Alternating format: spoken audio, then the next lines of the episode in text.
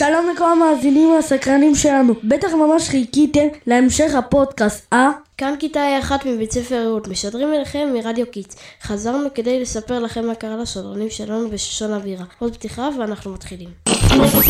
אתם מאזינים לתחנת רדיו קיטס 120 FM. נו, אגם, תפעיל כבר את המכונה, אני במתח, מקווה שלא קרה להם שם שום דבר. הם אמרו ששמעו צרחות מפחידות. הנה, אני מפעילה.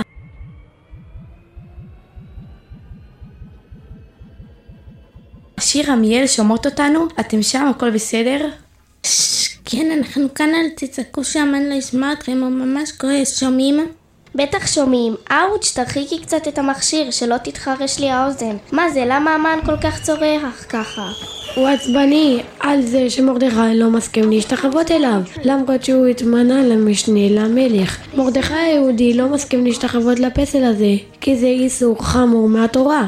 וואי וואי, אני נזכרת שלמדנו את זה בכיתה עם המורה אושרת. המן כעס מאוד על היהודים, וביקש רשות מהמלך להרוג את כל היהודים. הוא שילם למלך הרבה כסף בשביל זה. המלך הסכים, ואז המן עשה פור, שזה הגרלה, ויצא התאריך י"ג באדר, היום שבו יהרגו כל היהודים.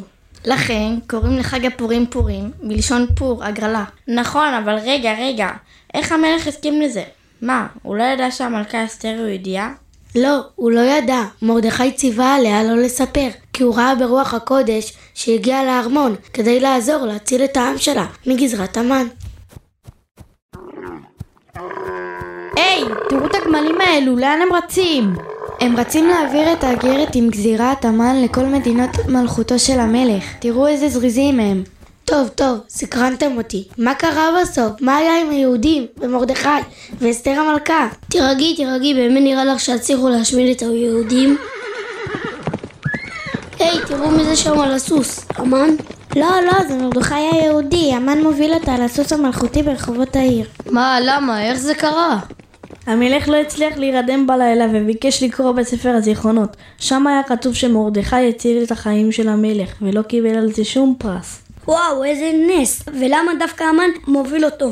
כי הוא בדיוק היה בחצר המלך. הוא רוצה לבקש רשות להעניש את מרדכי על זה שהוא לא השתחווה לו. חה חה חה, ובסוף הוא צריך לסחור אותו ולצעוק. ככה יעשה לאיש אשר המלך חפץ ביקרו. טוב, נראה לי כיתה 2 גם ירצו לראות את המחזה. נזמין אותם לגלוש בזמן ולדווח מהשטח את המשך הסיפור. כיתה 2, בואו תצטרפו אלינו. נחתנו! כאן כיתה 2 משדרים משושן הבירה.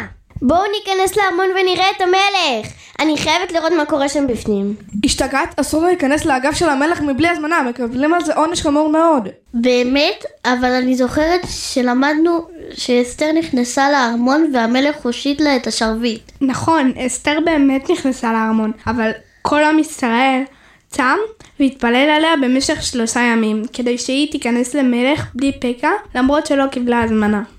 אה, נכון, ובגלל זה לפני פורים יש את תענית אסתר, נכון? בגלל הצום שאסתר צמה. כן, וגם אחר כך כל העם התאחד, צם והתפלל לביטול הגזירה הרע של המן, ובזכות זה בסוף קרה נס. הנה, בואו נעמוד פה על העץ. נוכל להציץ לתוך חדר המשתה ולראות מה קורה. רק תיזהרו שלא ישימו לב אליכם.